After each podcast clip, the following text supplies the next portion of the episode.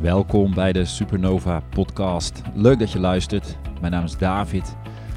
In deze podcast ga ik je meenemen in een visie over wat we de nieuwe aarde noemen. En als je googelt op de nieuwe aarde, dan kom je als eerste bij het boek van Eckhart Tolle, uh, wat deze naam heeft. En uh, het is trouwens gewoon een aanrader om te lezen. Maar Eckhart heeft deze uitdrukking niet zelf bedacht, want hij komt namelijk regelrecht uit ta -ta -ta de Bijbel.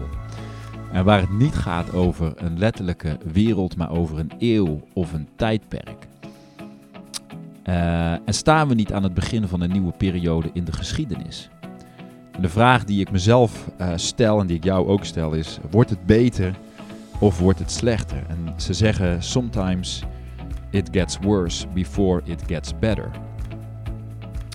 Maar deze nieuwe aarde, deze nieuwe tijd staat voor een nieuwe manier van leven. Een wereld die wij zelf creëren door hoe we waarde toevoegen aan ons eigen leven en aan dat van anderen. En met dit in onze gedachten um, kunnen wij samen bouwen aan een nieuwe toekomst en ook aan een nieuwe economie en een nieuwe manier van leven. En ik ga een heel simpel voorbeeld noemen uit mijn eigen leven. Ik kreeg twee jaar geleden de droom om een healing center te starten op een bijzondere plek. En toen ik een stem in mijn binnenste dat tegen mij hoorde zeggen, begon ik hardop te lachen. Deze ingeving was voor mij eigenlijk compleet vreemd. En hij kwam ook uit een veld van, van zeg maar buiten mijn normale gedachtenpatroon. Maar ik werd wel diep geraakt in mijn gevoelswereld. En ik voelde er ook vreugde bij. En vreugde is voor mij een teken van wat waar is. Ik voelde ook een soort vuur in mijn branden, maar ik had werkelijk waar geen idee hoe ik dit zou moeten gaan aanpakken. Het overkwam me onverwacht en ik was er eigenlijk best wel door overrompeld, alsof ik een onuitvoerbare opdracht had gekregen. Maar kort daarna kwamen er uit onverwachte hoek gebeurtenissen en, en, en, en, situaties op mijn pad en synchroniciteiten die in verband stonden met wat ik had gehoord. En het was alsof ik naar een film keek die zo voor mijn ogen afgespeeld werd, waarvan de puzzelstukjes in elkaar leken te passen.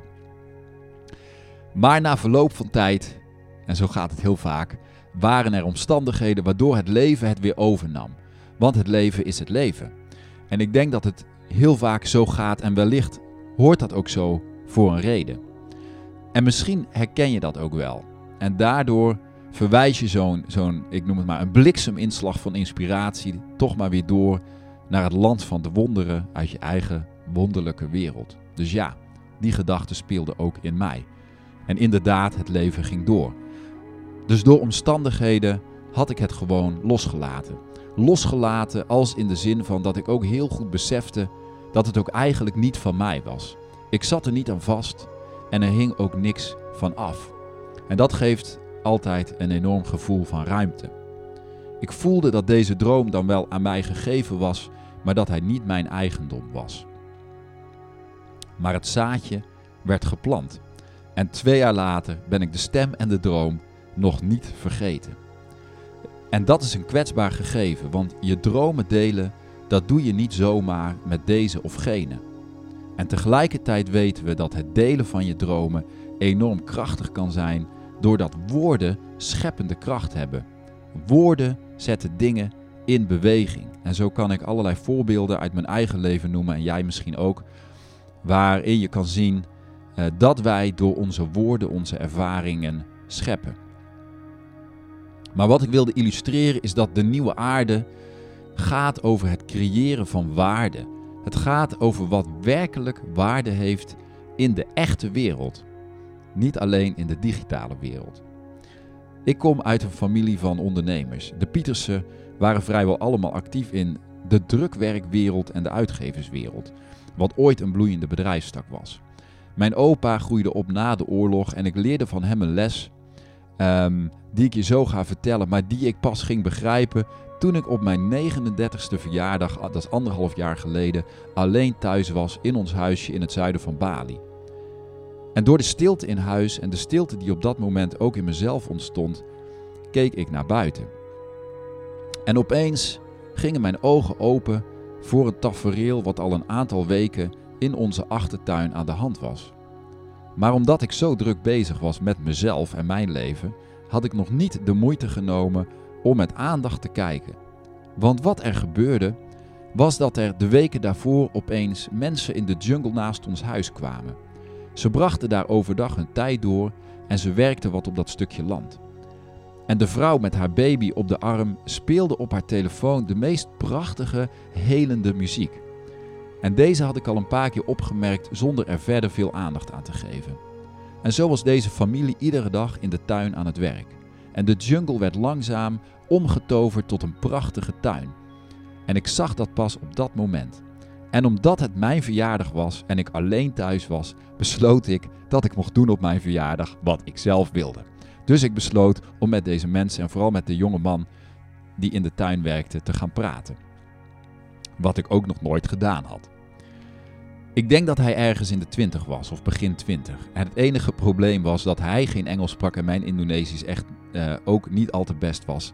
Dus we communiceerden via Google Translate. En het zijn echt dit soort momenten dat ik me intens dankbaar voel voor onze moderne technologie. Dus ik begon te typen dat het me opgevallen was dat zijn vrouw zulke prachtige muziek afspeelt. En zo raakten we aan de praat over dat zij vanuit Sumatra naar Bali waren gekomen om hier te werken en een beter bestaan voor zichzelf op te bouwen. En al pratende merkte ik dat ik van die jongen en van dit contact genoot. En ik als Westerling zat daar in mijn witte t-shirt en hij zat naast mij in zijn vuile t-shirt. En ik voelde even alsof er geen verschil was tussen hem en mij. Wij waren gewoon twee mannen die op dat moment door het lot, zeg maar, bij elkaar gebracht waren en met elkaar op een stoepje zaten. En deze ontmoeting zou voor mij van grote betekenis zijn. En tegelijkertijd werd ik me ook bewust van het feit dat ik voor hem een westerse blanke man was, een boule.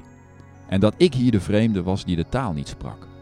En zo ontdekte ik ook weer dat elk verhaal altijd twee kanten heeft en dat er nooit een objectieve waarheid is over wat ik je ga vertellen en eigenlijk over al onze ervaringen in dit leven. En toen we zo over die tuin praten en wat ze gingen verbouwen, kreeg ik een ingeving, want hij wilde de groenten verkopen, want de tuin was groot genoeg. En toen ik ging doorvragen over wat hij dan van plan was, bleek uit het gesprek dat hij eigenlijk zelf geen idee had van de waarde van datgene wat hij wilde verbouwen. Ook wist hij niet het verschil in waarde tussen groente en fruit. Een verschil wat ik wel had opgemerkt. En het was op dat moment dat ik even de geest van mijn opa ervoer, waardoor ik ook even in de stoel van de leraar ging, terwijl ik tegelijkertijd op dat moment de leerling was. En opeens voelde ik in mezelf de boodschap die mijn opa door zijn leven aan mij had doorgegeven. Ook al had hij die woorden zelf nog nooit zo letterlijk uitgesproken. Namelijk dat ondernemen gaat over hoe we elkaar verder helpen als mensen op deze planeet. Mijn opa was namelijk ook altijd wel bezig met het helpen van mensen in allerlei situaties en landen. En op dat moment besefte ik me dat dat ook in mij zat. En dat deed hij op een hele praktische manier. Dus ik besefte me, ik zit hier alleen op mijn verjaardag en wat gebeurt hier eigenlijk? Een verjaardag is een belangrijke dag, omdat deze wat zegt over je begin en over waar je vandaan komt. En het was alsof ik opeens met andere ogen ging kijken. Ik noem zo'n moment ook wel een levende droom. Een levende droom is een situatie of gebeurtenis in je leven die gecreëerd wordt door je hogere zelf of door je gidsen of helpers, omdat ze je iets willen laten zien. Namelijk iets wat je moet ontdekken, omdat het belangrijk is op je levenspad. En meestal is het het leven zelf wat onze grote leermeester en spiegel is.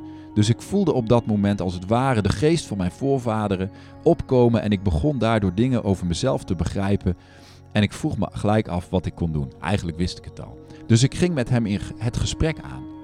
Het was mij namelijk opgevallen die weken daarvoor dat groente hier vele malen goedkoper is dan fruit. En omdat fruit voor de locals prijzig is, kopen ze het ook niet zo uitbundig. Maar toeristen en westerlingen kopen het wel. Dat was hem natuurlijk nog nooit opgevallen, want hij let daar niet op. Maar ik lette er wel op, omdat ik het interessant vind om te zien hoe er twee economieën zijn op het eiland en hoe deze beide naast elkaar bestaan en waar ze overlappen. Ik zag ook hoe leerzaam het voor mij was om eens in een andere wereld te stappen. En vaak ga je dan ook pas met andere ogen kijken. Het staat of valt, denk ik, met je openstellen voor wat je waarneemt zonder er een oordeel over te hebben of ergens iets van te vinden. En vaak is het zo dat je pas werkelijk zicht krijgt op iets als er iemand van buitenaf meekijkt, omdat je bepaalde zaken gewoon niet ziet. Zo heb ik zelf al veel hulp mogen ontvangen in mijn eigen leven op belangrijke momenten dat ik niet wist wat ik precies moest doen. En we zien dat ook in bedrijven, dat als er iemand van buiten afkomt, dat hij of zij soms heel scherp precies de vinger op de zere plek kan leggen over wat er moet veranderen. En dat zijn vaak de waardevolle en transformerende inzichten, zolang er iets mee gedaan wordt. De levenslessen en het doorgeven van wat we zelf door onze eigen ervaring leren, dat zie ik als de belangrijkste vorm van educatie voor de mens. En van oudsher geven wij van generatie op generatie inzichten en ervaringen en ook skills door. De goede, maar ook minder goede. Maar uiteindelijk geven wij als mensen onszelf door. En ik hoorde eens iemand zeggen in het Engels: You teach what you know, but you reproduce who you are. Zelfs als de persoon zoals mijn opa, opa al overleden is. Het mooie is dat we allemaal op allerlei gebieden wijs worden door wat we door onze eigen ervaringen meemaken in het leven zelf. En daarin zie ik ook nog heel veel kansen voor mensen die op zoek zijn naar zingeving en naar hoe ze kunnen bijdragen in deze wereld. Ga maar na bij jezelf. Wat heb jij zelf in je leven tot nu toe geleerd? En misschien zijn dat wel dingen waarmee je nog nooit naar buiten bent gekomen. Maar misschien is dat dan wel hetgene waarmee je iets kan bijdragen aan deze wereld. Wat we vooral leren van mensen met levenservaring is dat ze ons helpen om de dingen anders te zien. Want je moet eerst anders gaan kijken naar jezelf en je situatie voordat je een verandering kunt ervaren. De meeste van ons, inclusief mezelf, zitten toch nog vaak vast in onze eigen gedachtenpatronen. Educatie is dus ook wat zie jij en wat zie ik? En zien we wel het hele plaatje? Het zijn vragen die ik mezelf regelmatig stel over mijn eigen leven en zeker ook als het gaat om wat er in de wereld gebeurt, maar dat tezijde. Even terug naar het fruit. Het duurde een tijdje voordat het kwartje bij hem viel dat als hij fruit zou verbouwen, dat hij die ook kon verkopen en dat het rendement op fruit veel groter is dan het rendement voor groenten. Want dat had ik hem voorgerekend. Ik vroeg hem of hij wel eens fruit had verbouwd. En uiteindelijk bleek dat hij precies weet, wist hoe hij meloenen moest laten groeien. Bingo, dacht ik. Ik werd er blij van. En ik dacht, als ik hem kan helpen om meloenen te verbouwen, dan kan hij die verkopen en daarmee is hij geholpen. Want het is tastbaar en hij heeft er wat aan. En precies dat stukje voelde ik dat dat van mijn opa kwam. En het zou zomaar kunnen dat ik zelf veel enthousiaster was dan hij, maar even later bleek dat hij enorm twijfelde of hij die meloenen überhaupt wel kon verkopen. Want wat bleek, hij kent zelf geen mensen die meloenen kopen en eten. En eigenlijk waren die meloenen voor hem en de mensen in zijn netwerk te duur. En zoals ik al zei, kopen de locals weinig fruit om die reden. En toen ging ik op, opeens een paar dingen heel helder zien. Namelijk dat er twee dingen belangrijk zijn in dit kader. Namelijk je invloed en wie je kent. Want als je geen netwerk hebt en je hebt geen invloed, en invloed betekent zoiets als simpelweg dat je betrouwbaar bent en dat er naar je wordt geluisterd. Als je die twee niet hebt, dan kun je niet veel. En toen zag ik opeens hoe je invloed kunt inzetten om elkaar te helpen. En dat is in wezen de aard van ondernemen, namelijk elkaar verder helpen. En dit principe van invloed en je netwerk zien we natuurlijk ook op wereldschaal rondom vriendjespolitiek. En helaas is dat meestal voor eigen gewin. Maar de principes waarop deze realiteit gebouwd is, zijn neutraal en kunnen we zowel positief als negatief inzetten. Maar het principe werkt voor ieder levensgebied. Dus ik zei tegen hem: Nou, ik wil zelf wel meloenen van je kopen en ik heb heel veel vrienden hier. En als ik ze vertel dat mijn buren hele lekkere meloenen hebben, die groeiden terwijl je vrouw met een baby, op haar arm prachtige, helende muziek in de tuin speelt, dan denk ik dat ze jouw meloenen zeker willen kopen. En dat vond hij een goed idee en hij vertrouwde mij op mijn woord.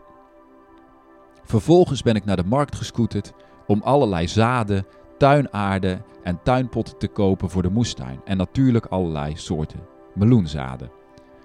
Ik had nog een hele watermeloen in de koelkast liggen, dus toen ik terugkwam hebben we die samen aangesneden en met de hand opgegeten op het stoepje met voor ons de moestuin in de jungle.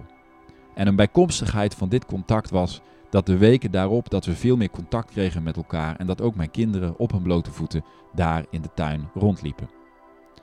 Het was voor mij een bijzondere verjaardag, omdat ik voor mijn gevoel even les kreeg van mijn opa over waar het leven nu echt over gaat.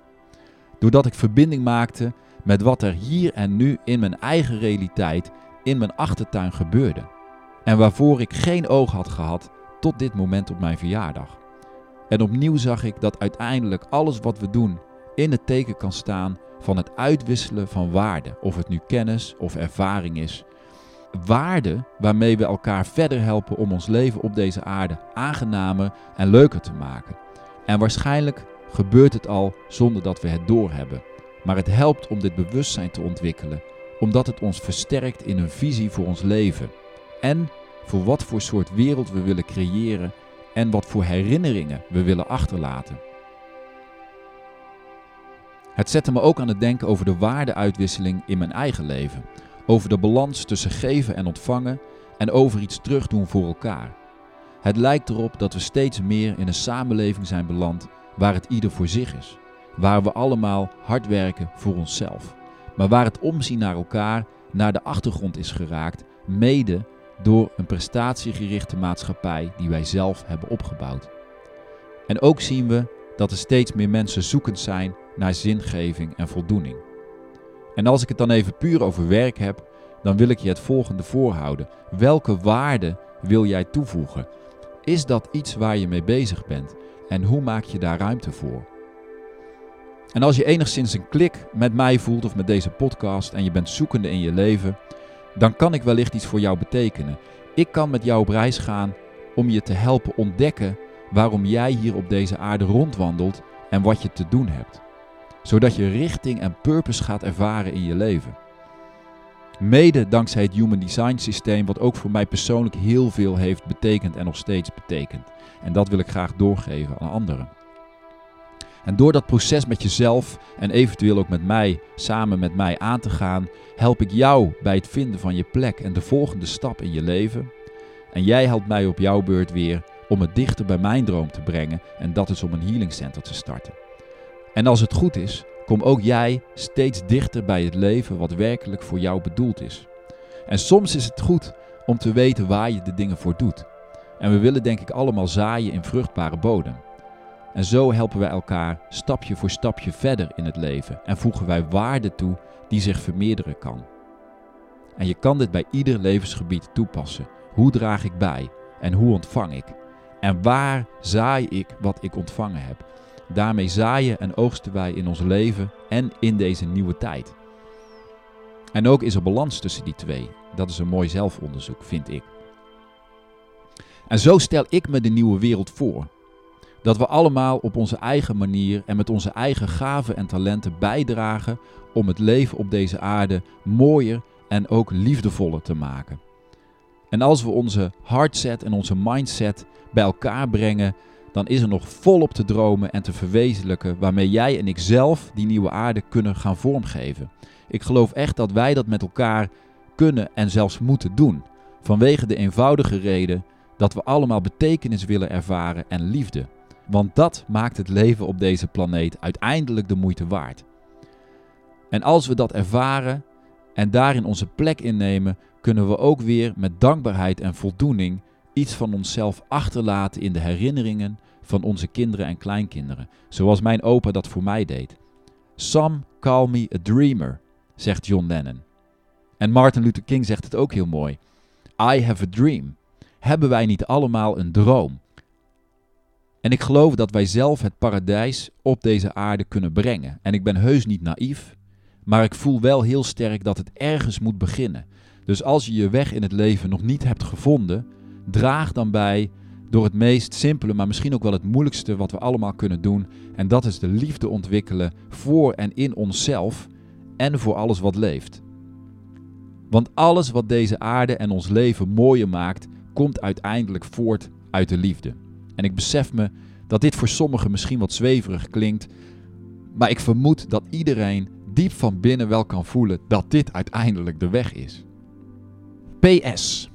De tuin ging de eerste weken enorm vooruit en de plantjes groeiden, totdat de moesson kwam. Ik was jarig in oktober en vanaf december kwam er zoveel regen dat de moestuin daar niet tegen bestand was. En na vier maanden dagelijks tropische buien was de tuin zo goed als verdwenen en onbegaanbaar geworden door de jungle die het gewoon weer overnam, inclusief slangen. En ook dat hoort bij het leven. En zo leerde ik ook dat er meer nodig is dan alleen met goede moed ergens aan beginnen. Ook de timing is van belang. Maar het herinnert me wel aan de mogelijkheden en de ervaringen die alleen kunnen ontstaan wanneer je ergens daadwerkelijk aan begint. En misschien kan dit verhaal je helpen om zelfs je vervlogen dromen niet te snel op te geven. En alles, inclusief je tegenslagen, te zien als een geweldige leerschool van het leven. En het hoeft ook niet altijd goed te gaan. Een leerschool waardoor we allemaal wijzer worden en je de opgedane ervaringen kunt toepassen in je eigen leven en ook weer kan doorgeven aan anderen die er ook weer hun voordeel mee kunnen doen. En ik dacht, ik schrijf het maar eens op. Ik wens jou nog een hele fijne dag. Wil je doorpraten of wil je meer weten? Kijk dan even op mijn website davidpieters.com waar je ook deze podcast als blog kunt terugvinden. En ik wens jou nog een hele fijne dag. Dankjewel voor het luisteren.